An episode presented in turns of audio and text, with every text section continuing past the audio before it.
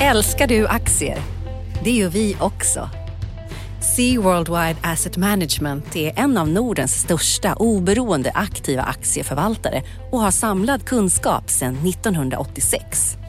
Ta del av vår kunskap på seaworldwide.se. Bokstaven C, worldwide.se.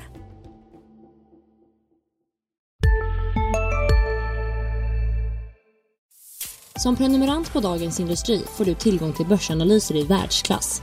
Följ frågorna som berör, lyfter och fördjupar. Bli prenumerant idag på di.se podderbjudande. På Dagens Industris konferens Bank på Grand Hotel i Stockholm den 14 maj möter du finansbranschens nyckelspelare.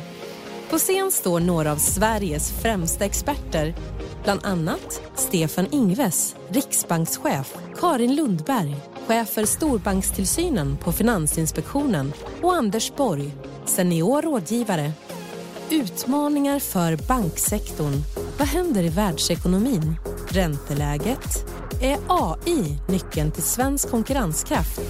Det och mycket mer på DI Konferens Bank den 14 maj Boka nu och säkra din plats på di.se konferens. Analyspodden från Dagens Industri. Hej och välkommen till Analyspodden. Det är fredag den 10 maj det är på förmiddagen här. Johan Wendel heter jag som står bakom micken, analytiker och reporter på Dagens Industri. Med mig från Göteborg har jag Rickard Bråse, analytiker på tidningen. Välkommen Rickard. Tack ska du ha Johan. Hur är läget? Strålande. Hur är det själv? Nej, men jag är ungefär som börsen, en procent upp idag här när vi går in i studion och det har ju varit lite skakigt den här veckan. Det har ju varit, eh, vi har haft en otroligt stark uppgång här eh, på börsen. OMX30 var ju typ 20 indexpunkter i, eh, ifrån all time high där på 1720. Eh, men eh, handelsoron sänkte börsen, men idag får vi alltså lite rebound. Vad, vad säger du om börsläget? Ja, nu är det ju Trump och hans, eh, eh, om, ska vi kalla det för förhandlingsteknik med i, i handelsfrågan med kineserna som har stökat till det. Men jag tror att när, när, när börsen har gått så starkt och det är så överköpt och eh, VIX nerpressad. Det behövs inte så mycket för att det ska skaka till då, utan det, det hade kunnat vara vilken skit som helst egentligen som hade kunnat få det här att börja skaka lite grann. Och nu har det ju skakat någon vecka eller så, så vi har, vad är det, vi har ändå rakat av en 100, 100 punkter på OMX30. Eh, det får man ju säga är en, en liten rekyl. Eh, så nu får vi väl se vad det tar vägen härifrån då. Ja men verkligen, och kul är där att du nämner VIX, för det var ju liksom, man får ju credda Bloomberg, de hade ju ganska bra timing på en artikel, jag tror det var förra veckan, eller om det var veckan innan det, som visade att eh, så här, data till, eh, vad är det de heter, eh, jänkarnas, där som man rapporterar in det till. Ah, nu glömmer jag bort namnet på dem. Men eh, i alla fall att det var ju rekordmånga som var korta VIX, det vill säga att den skulle fortsätta neråt och eh, sen skakar det till och VIX sticker iväg. Och som du säger, det krävs inte så mycket. Men det, det, känns ju som att vi alla väntar på att eh, centralbankerna kliver in och lugnar ner det här. Eh, nej, jag skojar bara. Eh, men eh, vi har ju en rapportperiod som är ändå lite igång här. Eh. Och eh, i veckan så kom ju Oscar Properties med rapport. vet inte riktigt vad man ska säga om den. Det är taskigt kassaflöde och allt mindre pengar i kassan. Eller vad säger du, Rickard? Ja, och idag så kom det ju nyheter om att ska skicka ut ett pressmeddelande där man vill att eh, preferensaktieägarna ska konvertera till stamaktier. Och, och det man kan konstatera är väl egentligen att de som är kvar i och har exponering mot det här bolaget, då måste du ha en uppfattning om att, eh, om att Oscar himself, alltså bolagets grundare och, och vd, att han är en, en Harry Houdini som kan ta sig ur vilka kniper som helst egentligen, för annars så har du ju inte det är inte så att det här kommer som en chock för någon utan det har ju varit uppenbart att krislamporna har blinkat tydligt under en ganska lång period i det här bolaget. Så att det är väl egentligen Normalt sett skulle det vara dramatiskt. Här är det som väntat får man väl ändå säga. Ja, eh, men man kan, man, man, kan väl säga det här att eh, kassaflöde från den löpande verksamheten här eh, det här gångna kvartalet var alltså minus 96,9 miljoner kronor. De har likvida medel vid periodens slut är 56,3 miljoner kronor. Och eh, ja, det där är ingen superkombo om man säger så. Nej, verkligen inte. Och sen blir det ju en påminnelse om du backar bandet en, eh, vad kan det vara, fem år eller något sånt här när, när det var väldigt populärt att sätta preferensaktier eh, även för andra än, vad ska man säga, stabila bolag utan mera projektorienterade som, som till exempel Oscar Properties Så du hade en våg av de här enfastighetsbolagen som också sattes. Som på sitt sätt är lite som preferensaktier, att du får en, du, du får en direktavkastning eh, tills du inte får den längre och eh, det finns ingen liksom häv, hävet som finns i normala eh, fastighetsstamaktier. Det, det får du liksom inte ta ta någon del av. Så det är, ja, jag, jag, har för mig att den gamla Graham skrev, skrev någon gång eh, eh, eh, där han jämförde preferensaktier med fisk som har legat framme lite för länge. Och det där är ju ganska många år sedan han skrev det, men eh, risker är universella. De, det är bara det att de kan ligga latent under långa perioder. Så nu har vi sett baksidan av det kan man väl konstatera. Ja, nej men som du säger där med preferensaktier, det är som att man, eh, man får avkastningen på en obligation med aktierisken lite. Om, om man ska vara lite, i värsta fall, eh, känns det lite som ibland. Och vi såg ju, apropå de här enfastighetsbolagen, så såg vi ju att eh, till exempel Postnord ska ju säga upp, eh, har ju sagt upp eh, eh sitt dyra hyresavtal och det påverkar ju det här enfastighetsbolaget Delarka. Och eh, ja, det är inte jättebra eh, heller. Där. Nej, det är inte jättebra. Vi kan väl säga att det är jättedåligt. Så säger vi som det är. Ska vi gå vidare med eh, podden? Vi hade ju också rapport från Betsson i veckan och den var lite spännande för vid första anblick så såg det ju eh, rätt bra ut. Eh, organisk tillväxt, eh, bättre resultat än väntat. Sen börjar man ju eh, gneta sig ner lite i finliret i den där och då såg det kanske inte lika bra ut för eh, det var ju lite svag guidning för eh, april här eh, och eh, sen har vi ju det här eh, stora orosmolnet i Betsson som ändå är Holland och vad som händer där. För där har ju Betsson en stor verksamhet och de går inte ut med exakt vad, hur mycket pengar de tjänar där, men det har ju uppskattats att de kanske får mellan 10 och 20 procent av intäkterna och eh, betydligt mer av rörelseresultatet därifrån eftersom det är en väldigt lönsam marknad. Då. Men eh, de har ju fått böter, då, Betssons dotterbolag Corona, eh, som man har traskat igenom där och det har ju varit, som vi har rapporterat, det har ju varit frågetecken kring huruvida Betsson ska få vara kvar på den holländska marknaden eller om de kommer stängas ute en period nu när holländska marknaden regleras slutet av 2020 eller 2021. Mm. Och eh, det här har ju marknaden tagit fasta på. Vi ser ju blankningen i Betsson är ju eh, rekordhög och eh, de är en av de mest blankade aktierna på Stockholmsbörsen. Och det var väl det som framförallt blankarna tog fasta på här i samband med rapporten och skickade ner aktien trots att det kanske såg bra ut vid första anblick men svag guidning och sen så fortsatt eh, osäker i Holland. Och det jag reagerade på var väl lite så här att på rapportkonferensen så fick eh, Pontus Lindvall, vd i Betsson, den raka frågan om vi är i en så kallad cooling off period i Holland. För de säger ju då, Betsson, att de har vidtagit en rad åtgärder för att säkra den långsiktiga närvaron i Holland och man får väl anta att det är ja, varumärkesförändringar och sådana här grejer. Och eh, Pontus Lindvall eh, svarade inte på han, han, gav inte liksom en dementi på att det var en cooling off period, att, det vill säga att man kanske är, man har skruvat ner aktiviteterna rejält, utan han sa att det får andra bedöma. Och det var lite märkligt för det var, han lät mer optimistisk skulle jag säga när Q4 presenterades i februari. Då försökte man tona ner det här holländska problemet ganska mycket. Ja, för det här, som du säger, det, här, det har ju blivit i den mån short case kan vara darlings så har ju detta blivit en short darling på något sätt. Där Holland har varit temat. Sen så kom det in, du fick datan från Sverige på skatteinbetalningen och så blev det lite som att Q1 skulle vara en värdemätare på hur, exakt hur dåligt det hade gått i Sverige. Och nu är vi tillbaka igen då till att köra det caset på att Holland är, den stora utmaningen som, som är ett stort värde i Betsson och som då helt enkelt kan komma att falla betydligt och då ska ju aktien ner helt enkelt. Oavsett har- hur, hur, liksom om man slår nummer i, i, i första kvartalet eller inte. Va? Ja, och sen så, eh, som vi sa där, så slog de ju resultatförväntningarna ganska rejält. Och eh, det har ju att göra med eh, det här med att man kan skruva på marknadsföringen på kort sikt och få bättre lönsamhet. Jag tror att deras marknadsföring som procent av intäkter det här kvartalet, eller första kvartalet var då 18 procent och det var strax över 20 procent Q1 2018. Men det ska man sätta mot att det verkar som att Betsson har lyckats. De har ju haft ett omstruktureringsprogram eh, som de kallar för Back on Track som Pontus Lindvall eh, lanserade när han gjorde ännu en comeback. Och eh, det verkar ju som att det har bitit alltså, att de har fått ner marknadsföringskostnaderna. Så att det skulle jag inte säga är en liksom, ordentlig resultatmassage på kort sikt, utan det här är faktiskt i linje med vad vi har sett tidigare från Betsson, att de har jobbat ner sina marknadsföringskostnader i relation till intäkterna.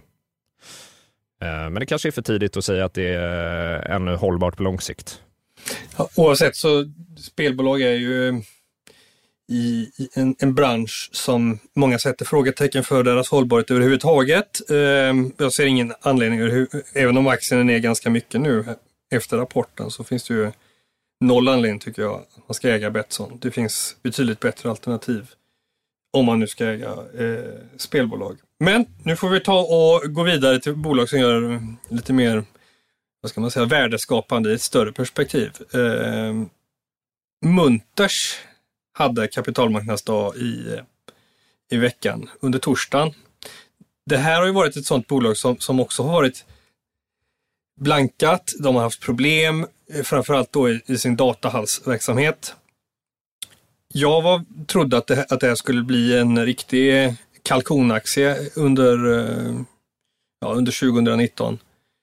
Eh, men man, man bytte styrelseordförande vid en extra bolagsstämma i december.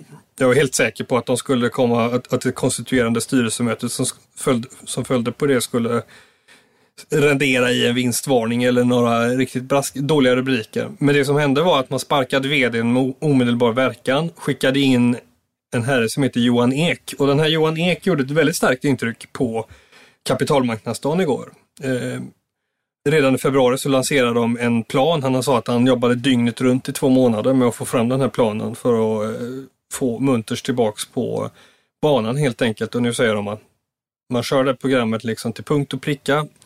Och eh, det låter ju väldigt, det är väldigt roligt tycker jag när man har en uppfattning om hur det ska gå för någon.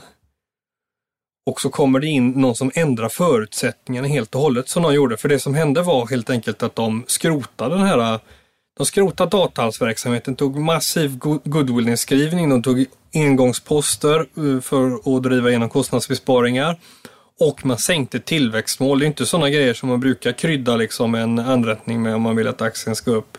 Men har visat, jag tycker det här finns jättemycket att lära av det här för väldigt många andra företagsledare. Att tala klarspråk, se problemet och visa att du gör någonting åt det så kommer du att bli eh, belönad på börsen helt enkelt. Eh, aktien har gått väldigt starkt under året. Så nu får vi se hur det det. Tyvärr så är han ju bara eh, interim. Jag hade gärna vilja se mer, mer av honom. Så att han har bara några månader kvar innan han trädde tillbaks ifrån vd-posten och en forskare fr- från eh, Sandvik kommer in och tar över Munters. Ja, men vi Eh. får se här. Ek, det finns ju några lediga vd-poster ändå på Stockholmsbörsen. Han kanske har haft ett bra marknadsföringsfönster här för sig själv. Jo, men jag tror att han, eh, han sitter nog, han har ju kört ett, eh, körde Relacom under många år, så det slutar ju inte alls på något särskilt lyckligt vis för Altor. Och efter det så har han varit knuten till ett annat riskkapitalbolag som heter Nordic Capital, så han, han jobbar ju mer i, via, i liksom, han sitter i styrelse för andra av, av de här bolagen som Nordic Capital har. Ett annat börsnoterat i, i eh, Handicare till exempel.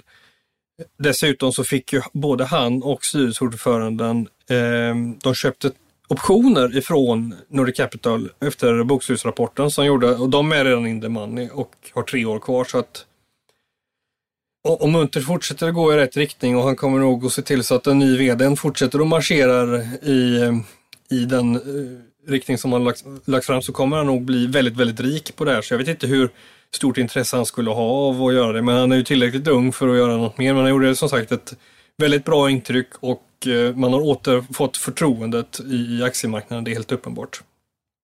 Ja, men spännande det här du säger med att eh, andra eh, ledningar kan lära sig av den här raka kommunikationen. Det är också någonting när eh, vad ska man säga, när ledningar liksom, de vägrar in i det sista och kapa utdelningar och sådana här grejer. Får man så roliga investerare då? Liksom? De som jagar yield och sådana här grejer. Alltså jag vet inte, det kanske är bättre att eh, bara riva av plåstret ibland. Verkligen, men, men det är en svår, du får tänka att det är en svår, om du tänker mer övervärderade grejer.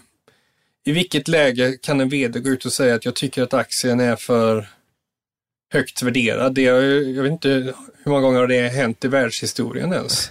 Det har hänt off the record för mig. Jag vet också ett, ett exempel var väl eh, Risto Silla som alltså nu är styrelseordförande i Nokia. Hans bakgrund är att han satte eh, F-Secure på börsen i samband med IT-yran och då har jag för mig att, han gick ut och sa något i stil med liksom att aktien är alldeles för het. Eh, och det var den också. Eller den, har ju, den gick väl inte så strålande bra efter, efter luften gick ur den gången. Ja. Vem är det som sagt till dig att, att aktien var, ge mig lite off the record nu. det, det, kan jag, det får jag ta med mig ner i graven. Jag respekterar Just nu pågår vår stora season sale med fantastiska priser på möbler och inredning. Passa på att fynda till hemmets alla rum, inne som ute, senast den 6 maj. Gör dig redo för sommar. Välkommen till Mio. Med en värld i gungning blir det viktigare än någonsin med kunskap och diskussion. Att värna det fria ordet, för livet och demokratin. Så när du trodde att du visste allt, har vi alltid lite till. Privata affärer plus allt All journalistik du behöver, samlad. Prova en månad gratis. Det här uh, off the record. Men det var, ja, det, det, var, det var faktiskt underhållande. Men uh, ska vi gå vidare här till en annan aktie som har varit lite av en surdeg. Investmentbolaget Ratos. Det går ju lite, lite av en surdeg. Det är väldigt mycket sådana här uh, förskönande lite eh, omskrivningar då på saker. Det har ju varit en fullkomlig härdsmälta. Jag, jag, jag kollade häromdagen, eller jag kollade när, rapporten kom. 10 år minus 55 procent inklusive utdelningar. Då har du en sån här som in i det sista har vägrat att sänka utdelningen. Jag kommer ihåg när, när vi, när vi började ifrågasätta detta om det var 2011, 2012 Arne Karlsson som då var VD idiotförklarade alla som ifrågasatte utdelningsnivån och ett halvår senare så gjorde de en, en eh, nyemission. Då var det preferensaktier som de satte för att göra det IBL-köpet. Som nu då börjar att visa lite livstecken eh, igen och, och utvecklas i rätt riktning. Eh, aktien gick ju som en, jag vet inte vad man ska kalla det för, eh, det har varit en helt galen kursrusning helt enkelt på ett lätt kvartal där man då i de flesta bolag visar resultatförbättring. Men det är ju inte så att vad är alternativet till resultatförbättring? Ja, det är ju liksom total härdsmälta. I, liksom, det är ju att de får kasta in nycklarna och ge upp i flera av de här innehaven. Så att, nu har jag ingen aktuell kurs, men eh, eh, den var ju 25-26 kronor här eh, innan vi började podda och, och, och på de nivåerna, fortsätter de upp en bit till så kommer den här vara intressant och blanka igen tror jag. Och man ska nog, man ska nog innan man ropar hej i alla fall så ska man ju definitivt ha sett fortsatt bra utveckling i Q2. Ja. Men vad, vad är det som händer med deras bästa innehav? Bisnode. Bisnode, ja precis.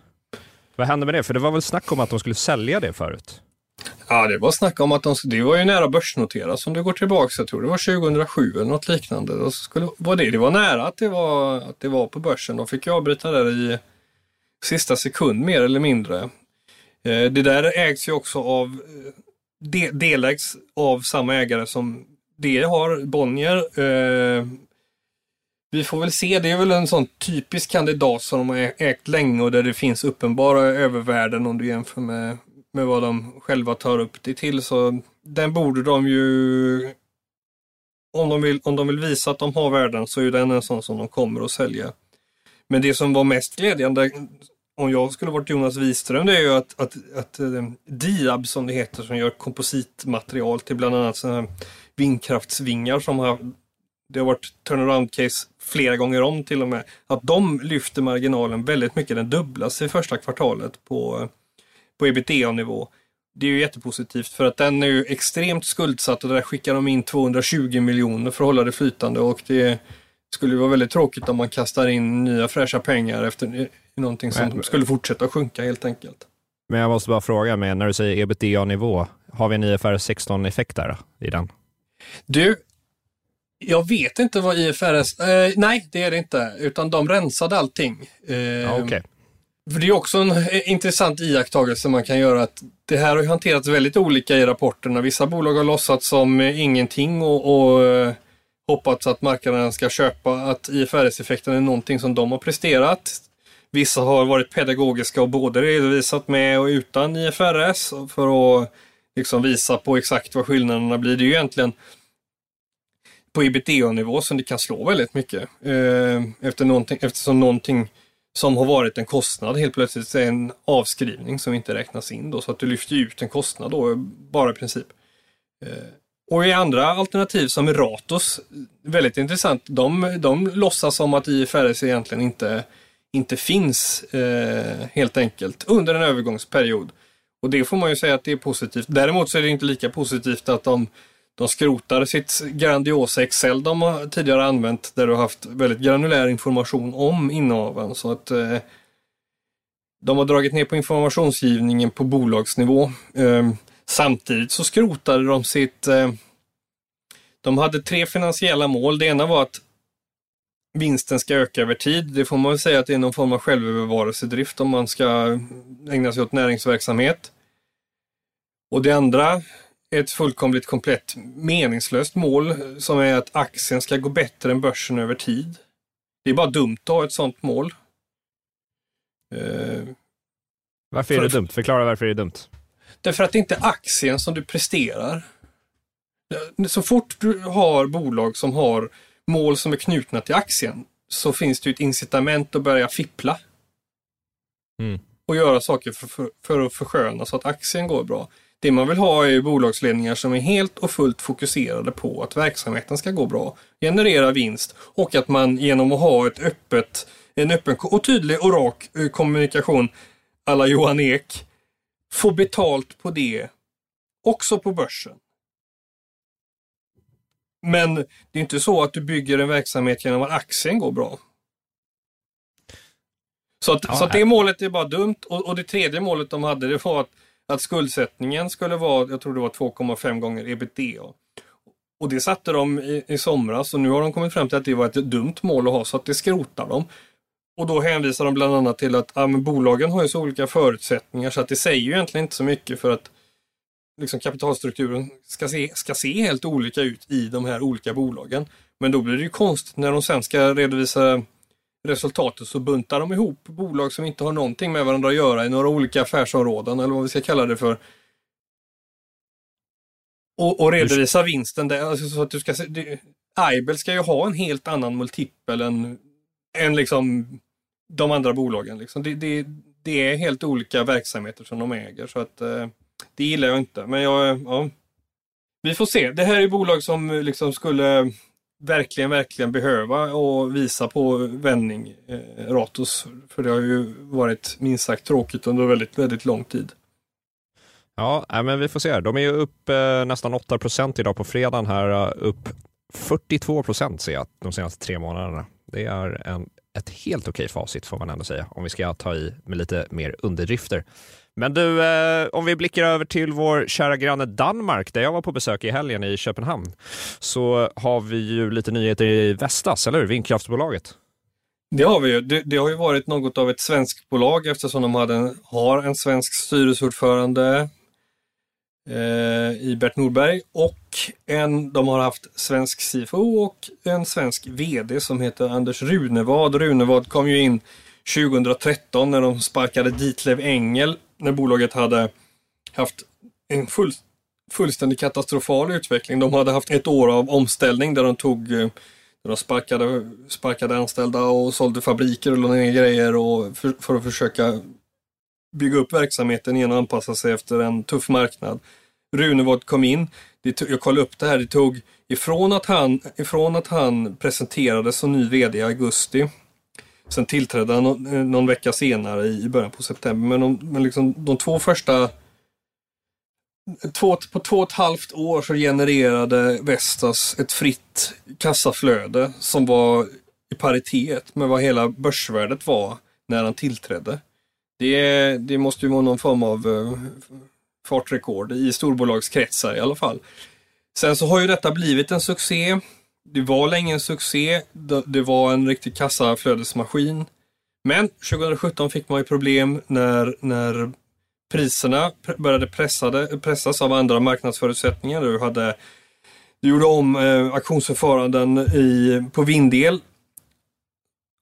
Och sedan dess har det liksom inte riktigt stått att känna igen Vestas kan man väl säga. Ehm, och senaste halvåret har aktien revanscherat sig. Men nu då så kom beskedet att han, att han slutar. Och, sam, och det kom dagen innan som de bjuder på en riktig, riktig riktigt, riktigt svag eh, rapport resultatmässigt. Det är, var en riktig sjunkbomb. Aktien klarade sig dock för att, och det tror jag framförallt beror på att det absolut viktigaste nyckeltalet, eller ett nyckeltal som man fokuserar väldigt, väldigt mycket på när det gäller Vestas är snittpriset per megawatt i orderingången. Och det var ju, det var ju den som föll ihop då 2017 och nu börjar den flyga igen här eh, steg kraftigt, inte bara year on year utan en, även jämfört med fjärde kvartalet. Och det var det som gjorde att de blev förlåtna.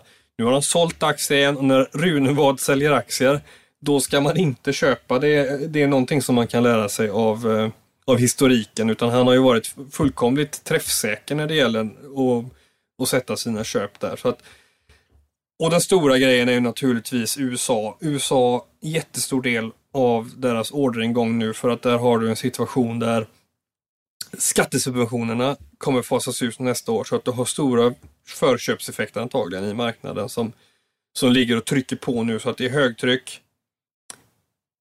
Men vad händer sen från när, när, när du kommer få en peak då i, i beställningarna nu och USA som är en jätteviktig marknad för dem kommer ju antagligen att gå mycket trögare utan de här subventionerna helt enkelt. Så att jag tror att Vestas ska man ha mm, jag, kom, jag satte sälj på Vestas för eh, två år sedan ungefär. Det var då han sålde aktier, eh, eh, storsålde aktier inför den här prispressen.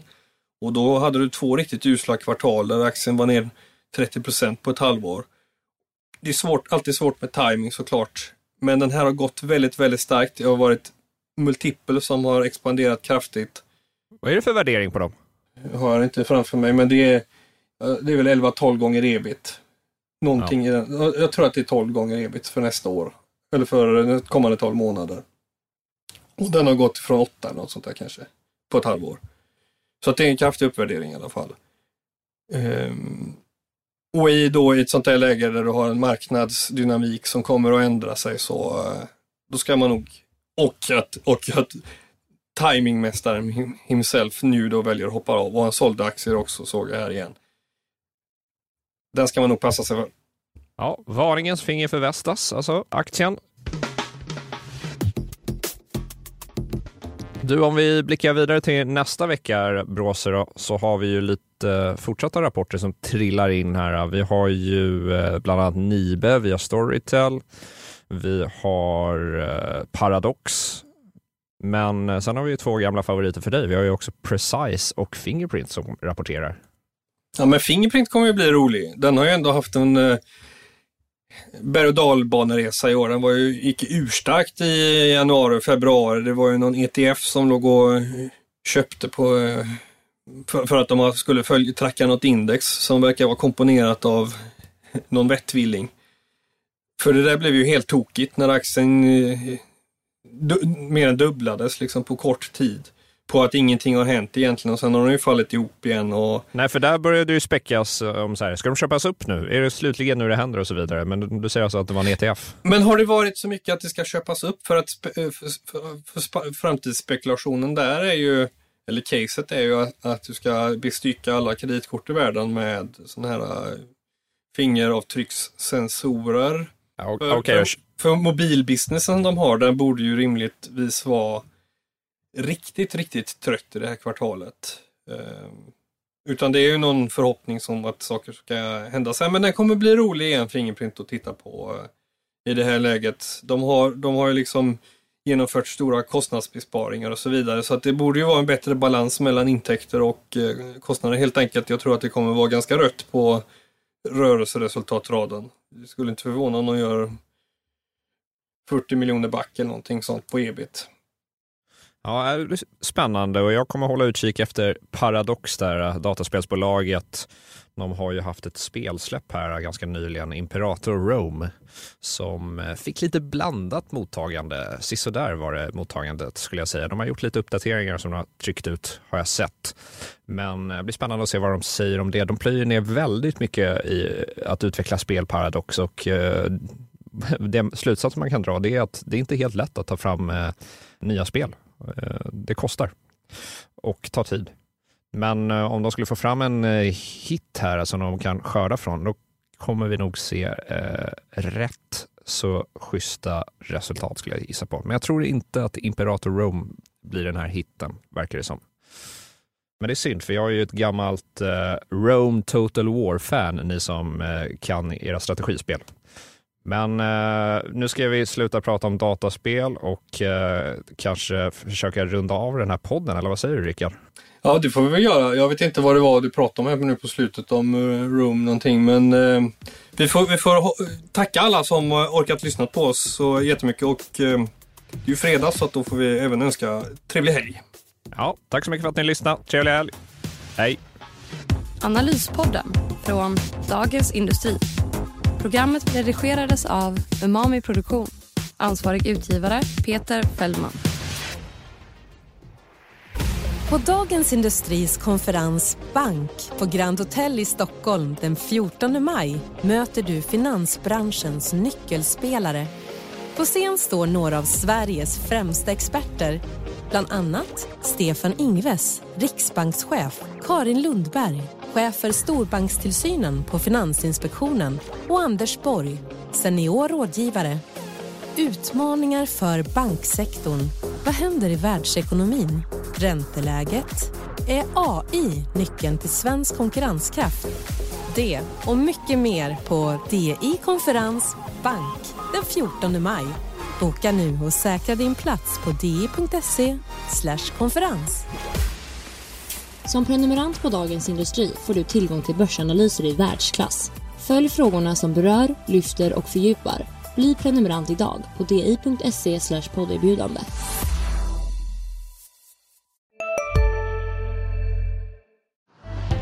Älskar du aktier? Det gör vi också. Sea Worldwide Asset Management är en av Nordens största oberoende aktiva aktieförvaltare och har samlad kunskap sedan 1986. Ta del av vår kunskap på seaworldwide.se. Bokstaven C, worldwide.se